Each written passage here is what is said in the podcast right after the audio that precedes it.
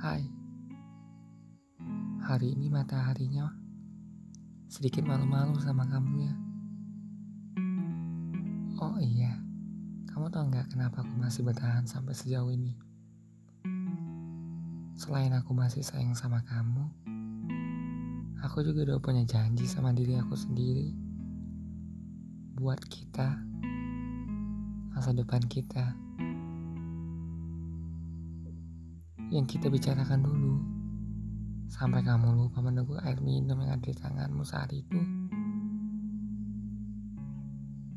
Aku menatap sepasang mata yang bersinar, penuh harap di matamu. Bibir yang berbicara, yang seakan kita lah yang menciptakan skenario-nya. Aku tak berkedip sedikit pun saat itu. Lantas aku berjanji pada diriku sendiri. Aku tak ingin membuatmu sedih.